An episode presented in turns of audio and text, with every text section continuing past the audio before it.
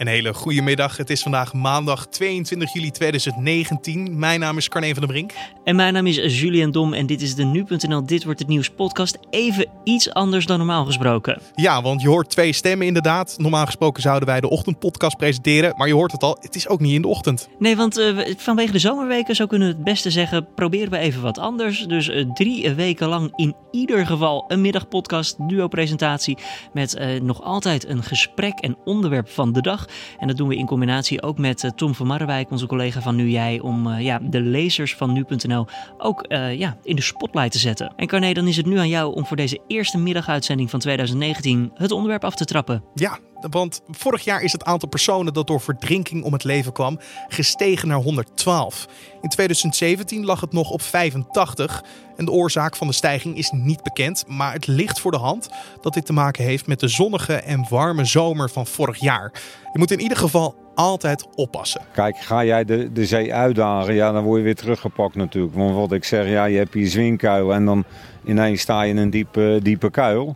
Ja, en als jij dan in paniek raakt, ja, dan, dan kan het uh, verkeerd aflopen. Dirk van Oosten was dat, coördinator bij de Strandwacht in Hoek van Holland. En straks meer met hem. Eerst kort het belangrijkste nieuws van nu. Malek F., de man die op 5 mei 2018 drie mensen heeft neergestoken in Den Haag, is volgens de rechtbank volledig ontoerekeningsvatbaar. En er was volgens hen geen sprake van een terroristische daad. F krijgt TBS met dwangverpleging opgelegd.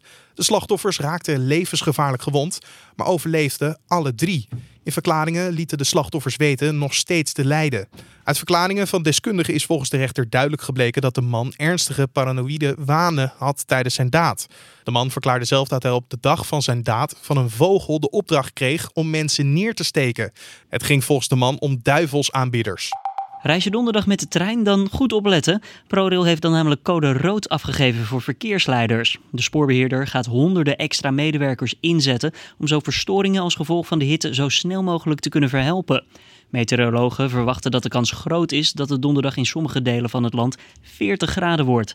Boven de 25 graden treedt bij ProRail een noodprotocol in werking. Dat omdat de rails dan bijvoorbeeld kan uitzetten. En de NS die kon maandag nog niet zeggen of er ook donderdag een andere dienstregeling ingezet zal worden vanwege de hitte. Vijf voormalige militairen zijn vandaag door de rechtbank in Arnhem vrijgesproken. Dit in een zaak die draait om de vermeende misstanden die hebben plaatsgevonden op de Oranje kazern in Schaarsbergen. Er zou niet genoeg bewijs zijn tegen de verdachten. De mannen zouden volgens justitie meegewerkt hebben aan vernedering, seksueel geweld, pesten, intimidatie en incidenten van agressie.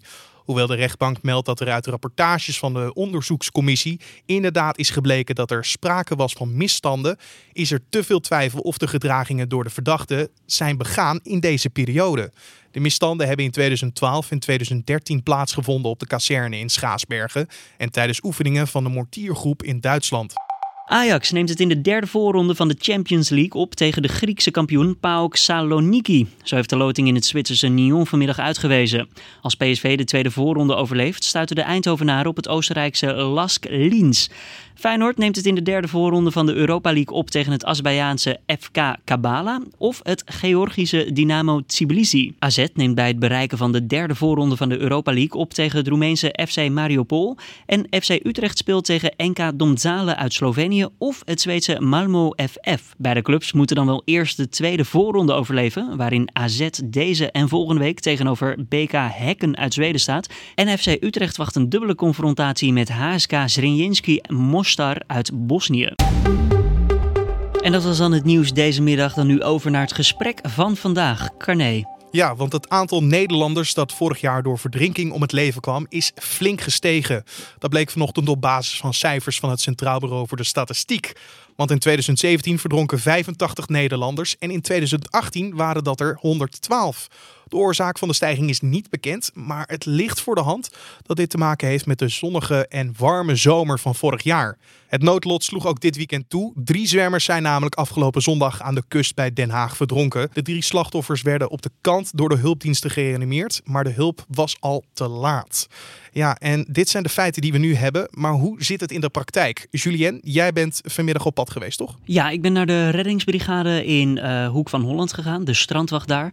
Uh, daar liep ik het strand op en ik zag al meteen een hele grote gele vlag wapperen. Nou, dan gaat er bij mij meteen een alarmbel af, kan ik je vertellen. Ja. Dus ik was even naar het bord gaan kijken, wat betekent die gele vlag? Nou, um, heb jij een idee, Carné? Geen idee. Nou, dat betekent dus gevaarlijk of een linker zee. Uh, nou, verder was het ook erg rustig op het strand, dus ik dacht eerst van nou, die vlag die zal wel gewoon heel veel afschrikken. Nou, dat bleek niet echt het geval, want het was gewoon maandagochtend dat ik daar was. Uh, ik sprak met Dirk van Oosten. Hij is de coördinator strandwacht bij Hoek van Holland. En hij legde mij eventjes precies tot in puntjes uit wat nou precies zo'n gevaarlijke of linkenzee betekent. Ja, nou ja, er staat natuurlijk een uh, aardige onderstroming. En uh, zoals je ziet, de wind gaat toenemen. Dus dat, dat maakt de zee een klein beetje woeliger. En uh, krijg je ook meer stroming. Kijk, die, die, die stukken wat je daar ziet, die, waar die golven nu breken. Dan kijken we richt over de Noordzee uit en aan het begin zie je die grote witte schuimende golven. Ja, nou daar is het ondiepe gedeelte. En dan zie je weer eventjes, zie je weer niks. Daar is het weer dieper, dat noemen wij dan een zwin. Maar daartussen, daar heb je die stroming. Wat zijn nou de gevaren uh, die je meemaakt hier uh, bij de strandwacht elke dag? Ja, dat is heel veelzijdig. Het is uh, wat je natuurlijk zelf al uh, ziet. De zee is nu een klein beetje woelig. Nou, met een hele woelige zee hebben we ook de muitjes. De muitjes zijn erge stroming naar zee. En ja, daar, hebben we daar kunnen we veel last van hebben. ook weer als er mensen in komen, die worden dan naar zee getrokken, kunnen slecht terugkomen. Ja, dat houden we extra in de gaten natuurlijk. S ochtends met, uh, of s'avonds als het slaag water is, kan je, kan je die muikjes uh, zien. Hoe, hoe dan? dan uh, omdat het water verder op zee zit? Nou ja, kijk bij laag water. Kijk, het is nu hoog water geweest om 7 uur. Dan zie je het niet. Want dan staat het water zeg maar tot aan het mullenzand. Is het laagwater, dat is vanmiddag om half drie ongeveer dan zie je allemaal die zwinnen en zwinkuilen. En tussen die zwinnen heb je dan weer de muitjes lopen. En dat kan je dan, uh, dat kan je dan extra goed zien. Je hebt uh, ook een enorme verrekijker om je nek hangen. Uh, nou, tuur je natuurlijk het strand af en de zee af. Als je nou iemand ziet zwemmen en je gaat even naar links en je komt weer terug naar rechts en je ziet hem niet meer zwemmen, gaat er dan een alarm in je af? Zou die kopje onder zijn? Of denk je, ah, die is gewoon weer het strand opgedoken, heb ik even gemist? Nou, dat is wel een goede wat je zegt, want Kijk, wij scannen de zee af. En wat je zegt, ja, waar is hij dan niet? Dan ga je toch weer extra kijken. Uh, maar onze taak is preventief. Preventief. Preventief houdt in, al gaan de mensen te ver, of al dreigen ze te ver gaan, dan gaan wij er al naartoe en dan zeggen wij, hup, terug, want wij willen erger voorkomen. Je moet het zo zien, zijn er natuurlijk heel veel mensen ver in zee. En laten we dan zeggen dat het om 100 mensen die te ver gaan. En wij doen er niks aan. En er gebeurt wat met een van die 100 of misschien wel 10 van die 100. Ja, dan is dat niet bij te benen. Dus wij willen dat heel kort houden hier in Hoek van Holland. Als ik nou hier naartoe uh, ga, ik ga lekker zwemmen. Ik heb alleen mijn zwemdiploma A. Ik kan niet zo heel goed onder water. Is het dan af te raden om dan sowieso de zee in te gaan? Nee hoor, je kan best wel zee in gaan. En uh, Kijk, je gaat altijd tot je middel dat je eh, dat je, je grond voelt aan je voeten. Dan is er niks aan de hand. En uh, kijk, ga jij de, de zee uitdagen, ja, dan word je weer teruggepakt natuurlijk. Want wat ik zeg, ja, je hebt hier zwinkuil en dan ineens sta je in een diepe, diepe kuil. Ja, en als jij dan in paniek raakt, ja, dan, eh, dan kan het uh, verkeerd aflopen. Hoe voorkom je zo'n paniek? Ja, Wat zijn de tips? Het, het is natuurlijk altijd makkelijk om te zeggen, ja, je moet rustig blijven. Maar ja, paniek, ja, het, het woord zegt het al, paniek, ja, dan ben je in paniek. Dus ja, dan kan ik wel zeggen, ja, je moet rustig blijven. Maar als jij kopje onder gaat, ja, dan... Uh... Paniek betekent vooral voor jullie, jullie moeten snel in actie komen. Nou ja, kijk, we, we proberen natuurlijk zeker ook de kinderen in de gaten te houden. Want ja, dat, dat is natuurlijk best wel, uh, als je golf hebt, is dat best wel een link, uh, link iets. Want een kind valt om, ze staan op, ze staan misschien in zijn zwinkuil of in een zwin. En ze gaan een kopje onder. En dan, ja, dan proberen ze natuurlijk boven te blijven. En dat, ja, dat moeten wij natuurlijk allemaal in de gaten houden. Het is niet alleen die verre zwemmer hoor. Want die verre zwemmer die kan echt wel zwemmen. Maar het gaat juist om, om die tussengradatie. Wat heeft de meeste indruk op je gemaakt in al die tijd dat je hier bent geweest? Ja, dat, dat, zijn, dat is toch wel een verdrinkingsgeval geweest van een, uh, Ja, ik heb het al een aantal meegemaakt, maar altijd buiten werktijd. Hè. Dus wij waren niet uh, in dienst en dan werden we opgeroepen van huis uit en dan moesten we hierheen komen. Ja, van, ook weer van een Duitse meneer, die was uh, vermist en uh, wij moesten van huis hierin komen. En ook met André toen de tijd. Toen zijn we gaan zoeken en toen hebben we hem na een kwartier gevonden. Maar ja, die was helemaal... Ja, daar gaat er te veel tijd overheen, weet je wel. En uh, toen moest de dokter het vertellen tegen zijn vrouw en tegen de dochtertje. Ja, dat gaat toch nog wel een beetje door je zielement heen hoor. Dat, uh, dat zijn dingen die blijven toch wel hangen. Maar we hebben natuurlijk ook hele mooie dingen meegemaakt. Meneer Ouwehand die we gered hebben. Die man was 83, die had de slag bij Duinkerk en alles meegemaakt. En die had hier bijna verdronken. En die hebben we toen ook met de strandwacht eruit gehaald. Ja, dat zijn natuurlijk de prachtige momenten. Dat, uh, dat, daar doe je het voor. Dirk van Oosten was dat, coördinator van de strandwacht in Hoek van Holland. En dit is wel interessant om te vertellen, Carné. Ik mocht ook nog eventjes mee in de strandauto die altijd langs uh, de zee rijdt. Uh -huh. En uh, daar sprak ik met Jasper van de strandwacht. En die vertelde dus ook van ja, er gebeurt vooral veel met toeristen. Um, die niet altijd begrijpen dat een zee wat anders is is dan een meer, ook qua stroming en qua gevaar. En um, ja, er waren ook wat mensen die stonden aan zee bij zo'n mui. En die hadden ook totaal niet door dat er een gele vlag wapperde of zo. Die zei ook van, ja, weet je, het is goed dat we nu even op gewezen worden. Gele vlag, een muitje, we gaan even opzij, want uh, ja, daar wil je niet in staan. Nee. Want je wordt echt meegesleurd, gewoon weggezogen. Ja, daar kan je niet tegen in zwemmen. Zelfs de strandwachter die zei dat, ook al ben je nog zo goed getraind, tegen de mui valt niet tegenop te zwemmen.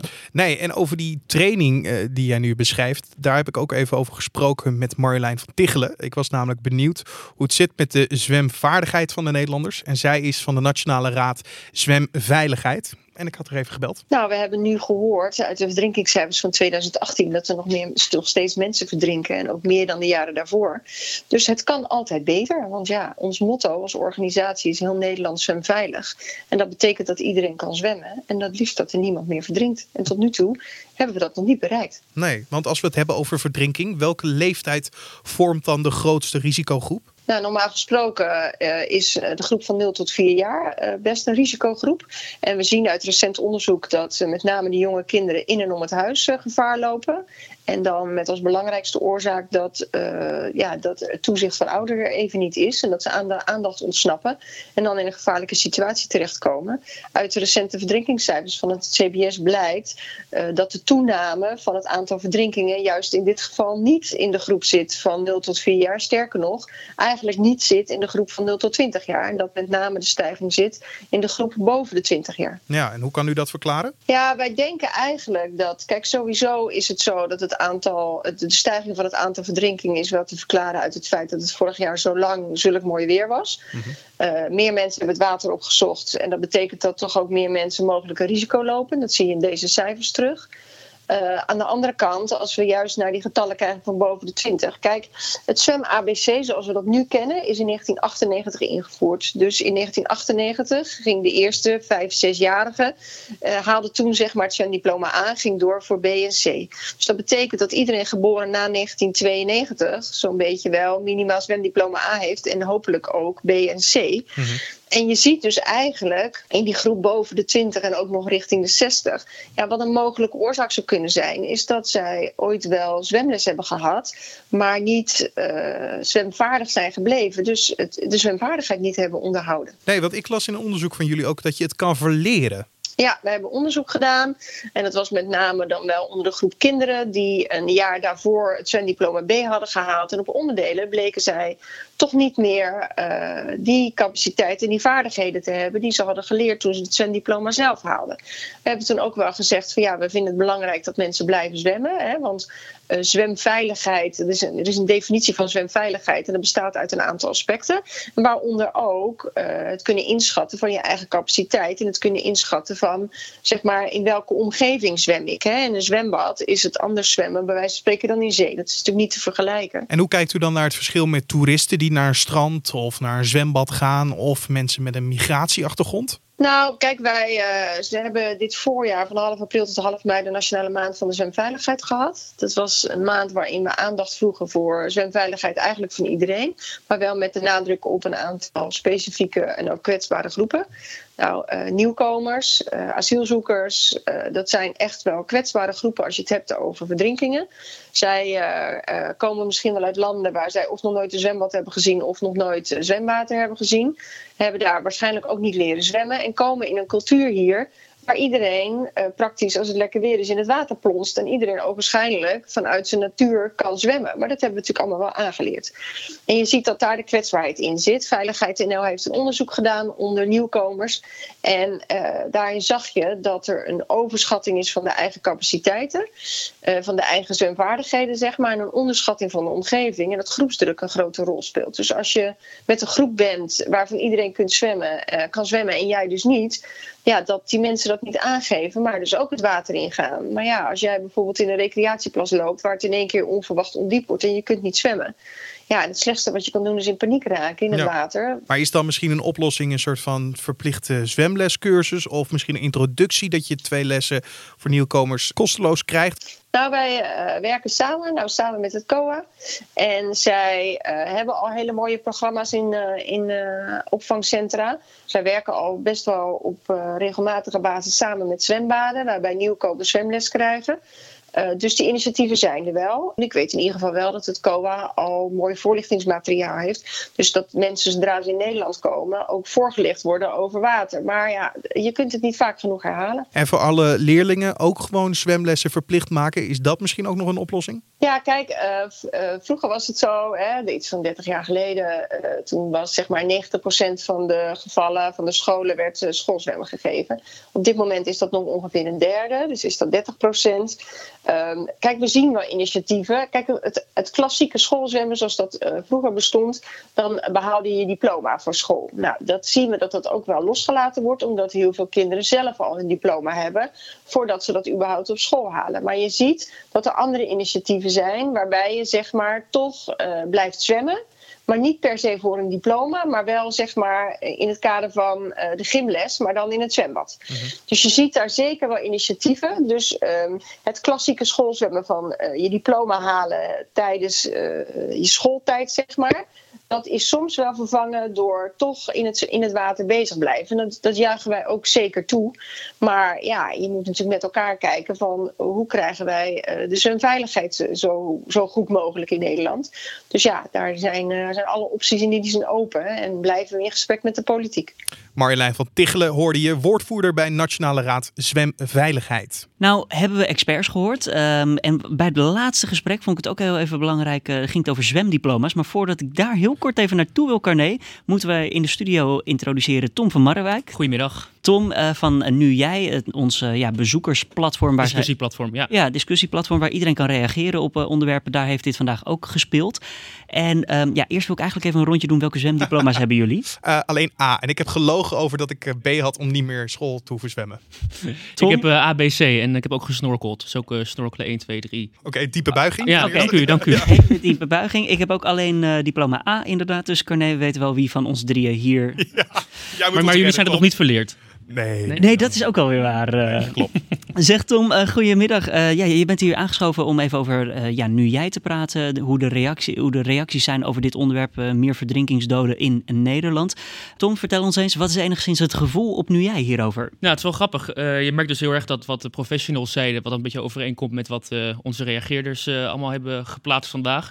wat wij hebben gedaan is dat onze lezers hebben gevraagd, wat is volgens jou de beste manier om het aantal verdrinkingen weer omlaag te brengen? Um, en daar heb ik een paar reacties uitgehaald. Uh, er zijn eigenlijk hoofdzakelijk twee dingen die uh, mensen aandragen. Uh, en ten eerste begeleiden ze echt voor betere begeleiding op stranden. Um, dus er moet meer zichtbaarheid zijn en inderdaad ook het vlaggensysteem. Um, zo schreef nu jij er Nijmegenaar over drenkelingen die niet uit Nederland komen. Van oudsher zijn Nederlanders voorzichtig met water. We vechten er tegen, we leren erin te zwemmen, maar vertrouwen doen we het niet. Elders is dat anders en ik vrees persoonlijk dat voor nieuwkomers het wel enkele generaties kan duren voordat dit net zo diep is ingebed. Veel langer dan andere aspecten van inburgering. Zover is het nog niet. Daarmee kan de overheid niet veel anders doen dan proberen te waarschuwen en opletten. Dat is een beetje de tendensen die mensen hadden. Ja. En toch heel erg, het zit echt in onze cultuur dat we Precies. weten hoe we met water uh, om moeten gaan.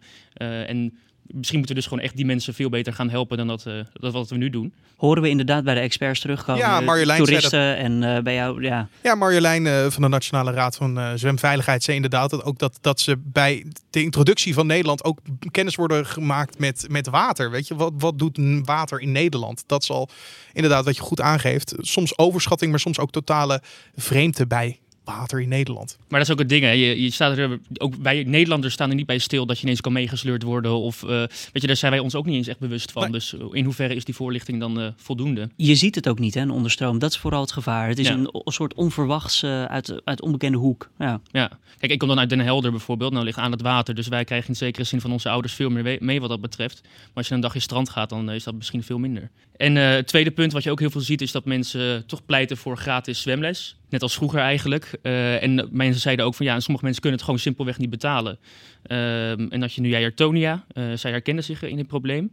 En zij geeft, ondanks dat ze eigenlijk heel weinig geld heeft om uit te geven, toch die prioriteit aan zwemles. Eh, zo schreef ze. Ik ben moeder van drie en ben afgekeurd. Mijn inkomen is op bijstandsniveau, maar mijn kinderen krijgen zwemles. Dit heeft prioriteit en laat ik andere dingen voor.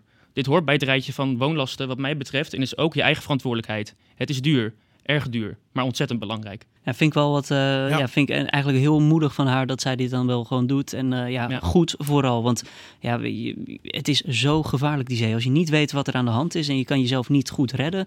Ja, we hebben het geleerd uh, vorige zomer. Zeker. Tom, uh, dankjewel. Yes, um, ja, we gaan deze week vaker uh, met jou aan tafel schuiven over de onderwerpen ja, die leuk. we in de podcast uh, bespreken. We gaan nog even zoeken naar een hele leuke vorm. nu zat je aan het einde van de podcast een beetje. Misschien dat hij morgen wat meer naar voren wordt gehaald. ja, dat is ook een beetje puzzelen natuurlijk. We gaan hem constant blijven leggen. Inderdaad, andere vormen. in ieder geval vanaf dit moment. Bedankt. Yes, geen dank. Dankjewel Tom. Dan nog even het weer, uh, Carné? Ja, het wordt een, um, ja, een broeierige avond. Vanavond is nog een tijdje namelijk heerlijk zonnig warm. Rond 9 uur is het nog tussen de 20 en 24 graden. Maar vannacht koelt het af naar 14 tot 16 graden. En lokaal kan wat nevel of mist ontstaan. En dit was dan de Dit Wordt Het Nieuws podcast voor deze 22e van juli alweer. De komende weken vind je deze podcast in de middag op de voorpagina van nu.nl. En wat vond je ervan? Dat kan je ons altijd laten weten via podcast.nu.nl. En laat ook zeker je reactie achter onderin de artikelen hè, op nu.nl. Want uh, wie weet hoor je jezelf terugkomen via Tom hier in de podcast ook. Mijn naam is Julian Dom. Mijn naam is Carne van der Brink. Een hele fijne maandag en tot morgen.